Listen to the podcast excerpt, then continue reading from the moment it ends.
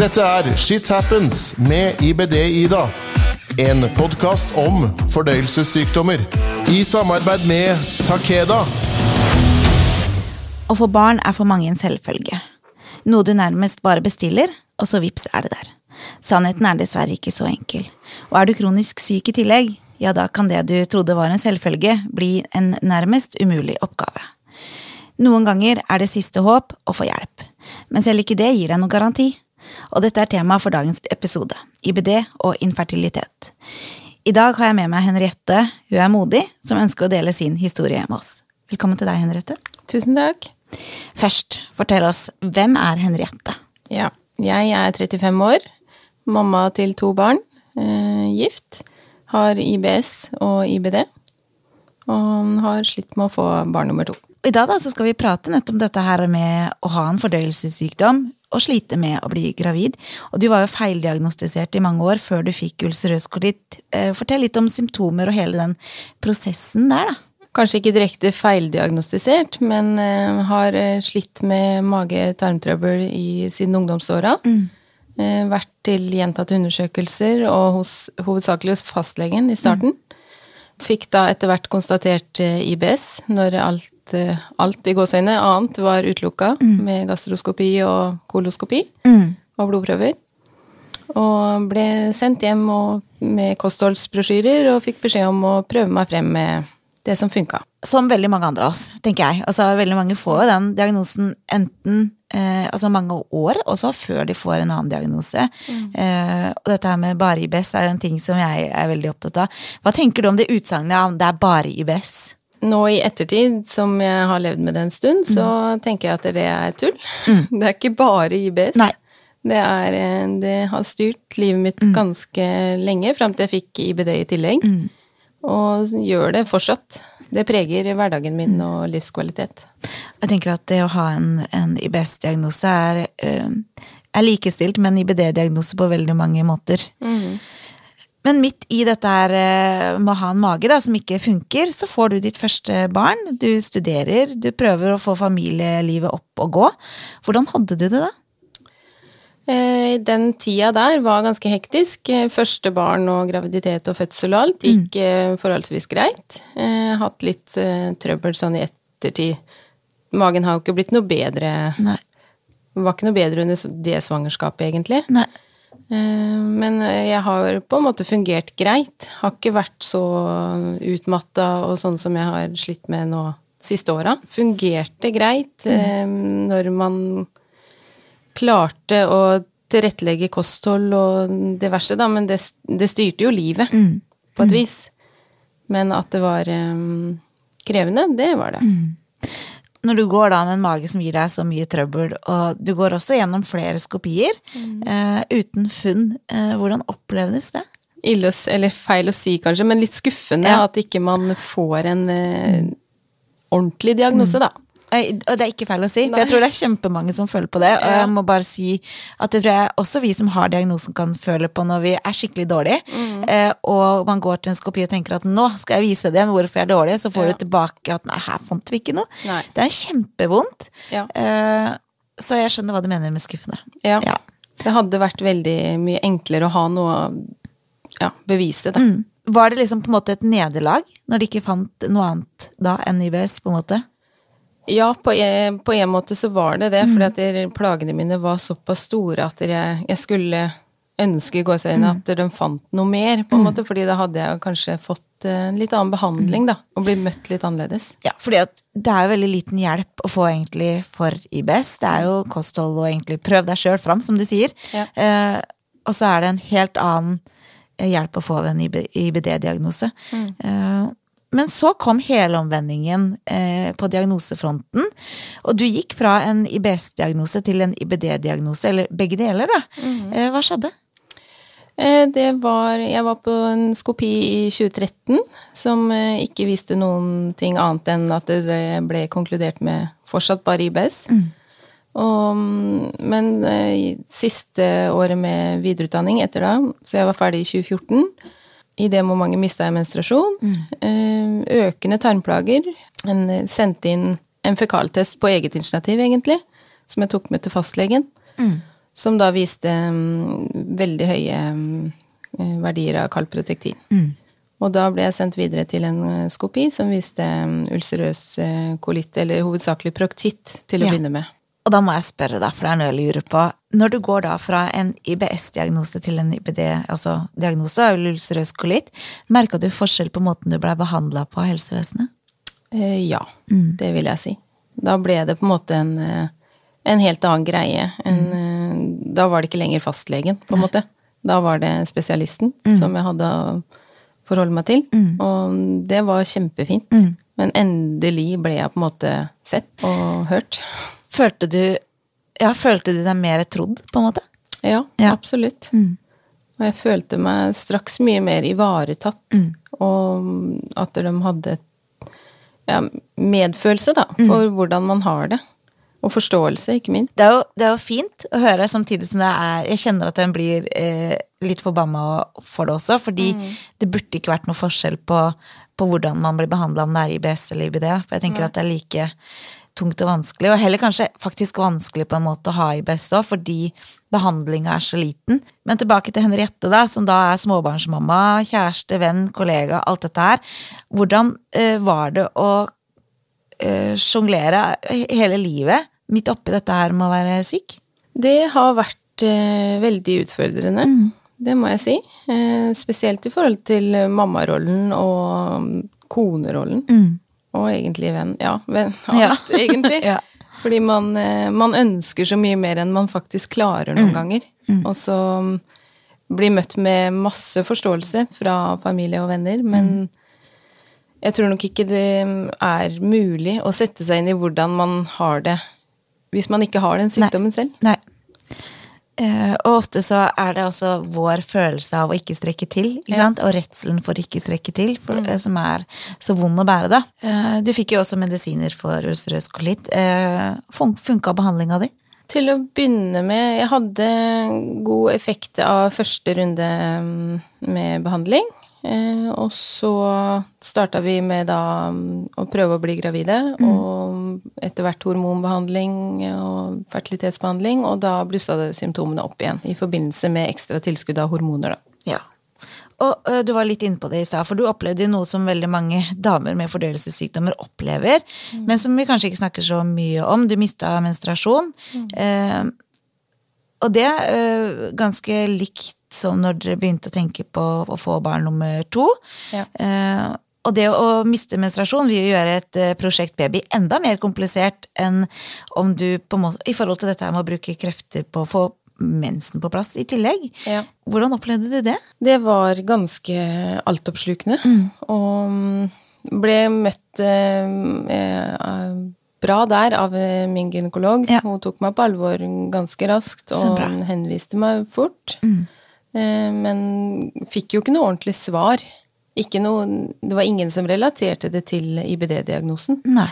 Det var det ikke. Og så er du da overhodet ikke stabil i magen, men allikevel så ønsker dere å få barn nummer to. Hva sa gastroenterologen til dette? Til å begynne med så sa han eh, eh, vær så god, prøv. Eh, men så gikk det jo noen år, da.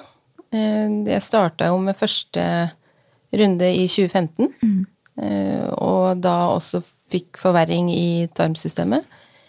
Eh, og mm, holdt på egentlig hele 2016 uten, eh, uten effekt. Så på det tidspunktet så foreslo gastrolegen flere ganger at vi kanskje skulle ta en pause for å få eh, roa ned tarmen. Men eh, det klarte ikke jeg. Og som jeg sa til han, at jeg klarer ikke å sette det her på pause og få roa ned tarmen. Nei. Fordi det, det er veldig lett å si, Ja. men eh, umulig å gjennomføre.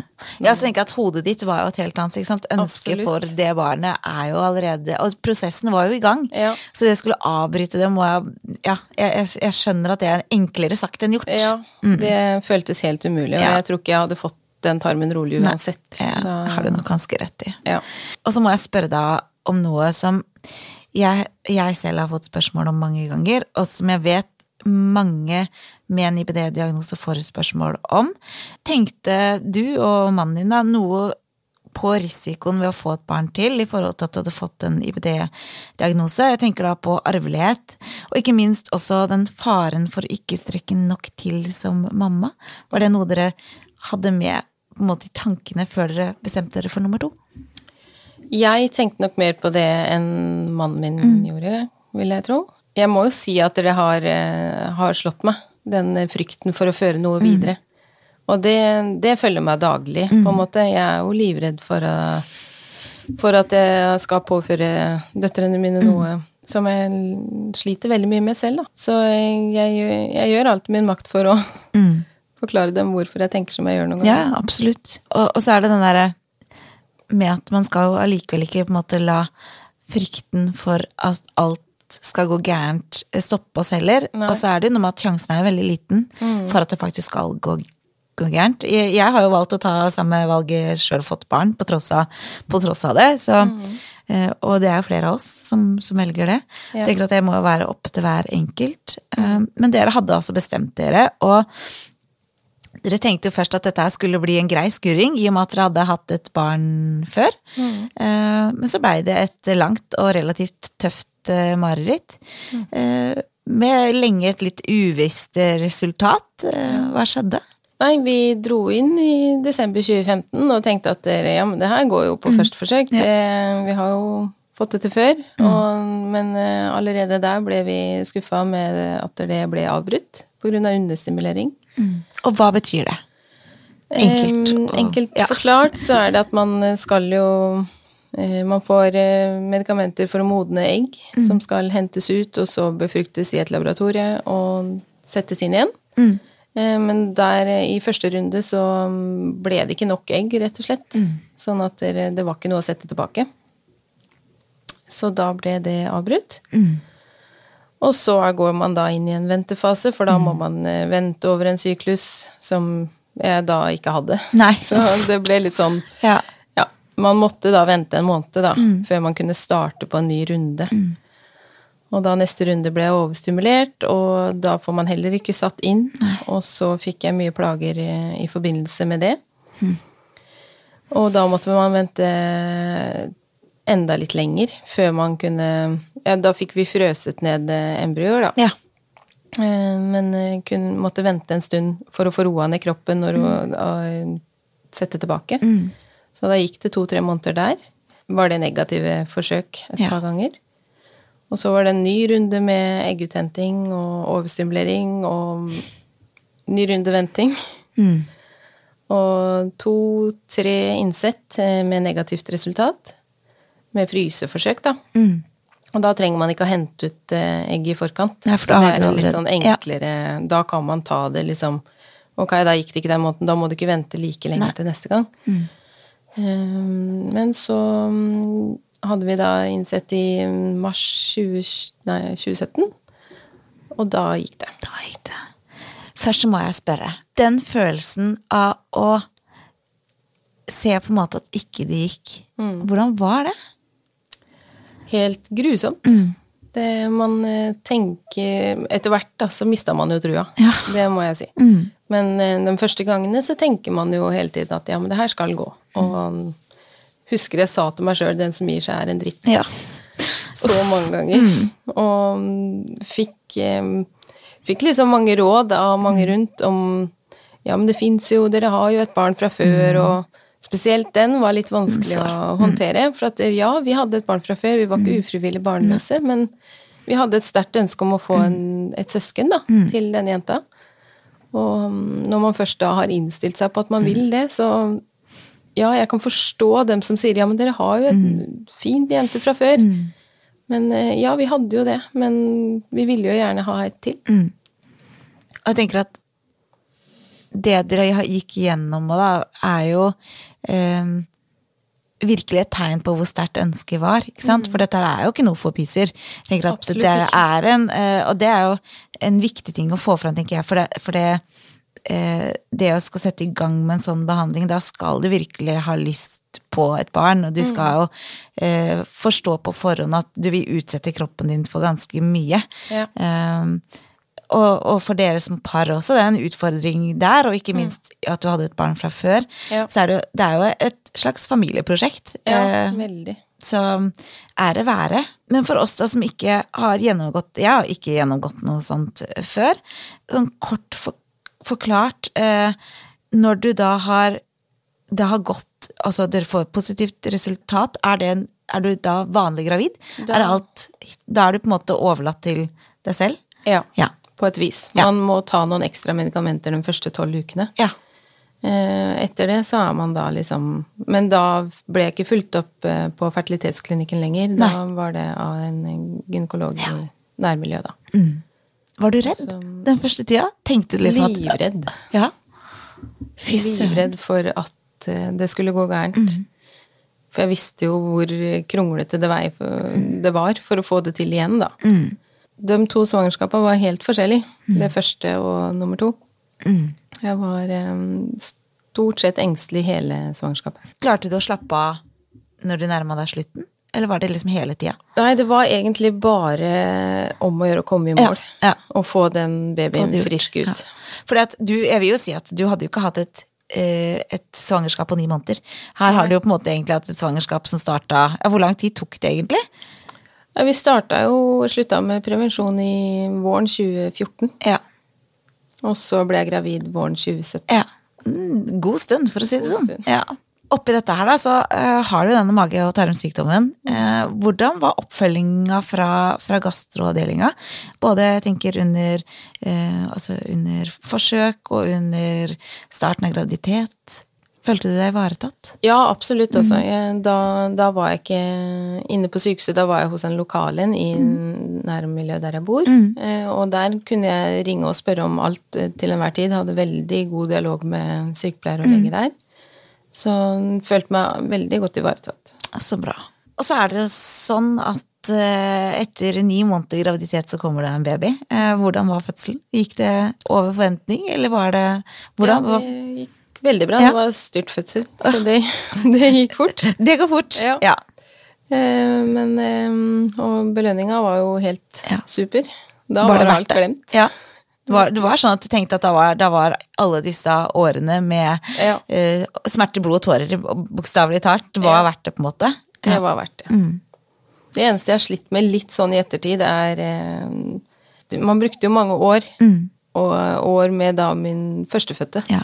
Som jeg føler på en måte at det, alt dette har dreid seg om prosjekt baby nummer to. Mm. Ja. Hvor eh, jeg tror ikke hun har lidd noen nød, men det er den samvittigheten som man sitter igjen Mm. Med det. selv. Det kan jeg se tilbake på og kanskje angre litt på. Mm. ja, fordi at man blir på en måte Altså, det, man går jo opp i det, ikke sant? Ja, det er så Mm. utrolig altoppslukende. Og alt dreier seg om å få i havn det her. Men eh, vi har nå snakka mye om det underveis, og hun har jo vært en del, del av det. Og vi har jo ivaretatt henne så Mm. godt vi kan. Og eh, jeg tenker at det jeg hører du forteller, er jo at dette her var en, et familieprosjekt. Eh, ikke et mamma og pappa-prosjekt, og så var hun ved sida. Og så lenge man gjør det som en familie, så tror jeg at ikke de lider noe nød. Jeg Nei. tror jo at eh, ved at man ser at dette er noe vi gjør sammen, så kan det jo være noe fint ved det. Ja. Men har du noen gang kjent på litt dårlig samvittighet fordi du klarte det? Og for de som ikke har klart det? For det er jo sånn at det er jo ikke alle som får baby selv om de får eh, hjelp. ja. Jeg har, eh, har eh, tenkt på det, og spesielt i forhold til at jeg fikk så mange tilbakemeldinger på at ja, men dere har jo en fra før. Og jeg hadde også andre bekjente som drev med det samme, som ikke hadde noen fra før. Eh, Så jeg vet jo forskjellen Ja. på å få jobbe om å få første barn kontra jobbe for å få barn nummer to. Da har jeg det, Ja, jeg har kjent på den. Mm, jeg skjønner det. Men nå er du altså mamma til to. Eh, tror du det å være syk har gjort deg til et, en dårligere mamma enn om du hadde vært eh, frisk? Kanskje ikke dårligere, men eh, veldig mange perioder i livet hvor jeg har tenkt at jeg ikke får vært den mammaen jeg ønsker.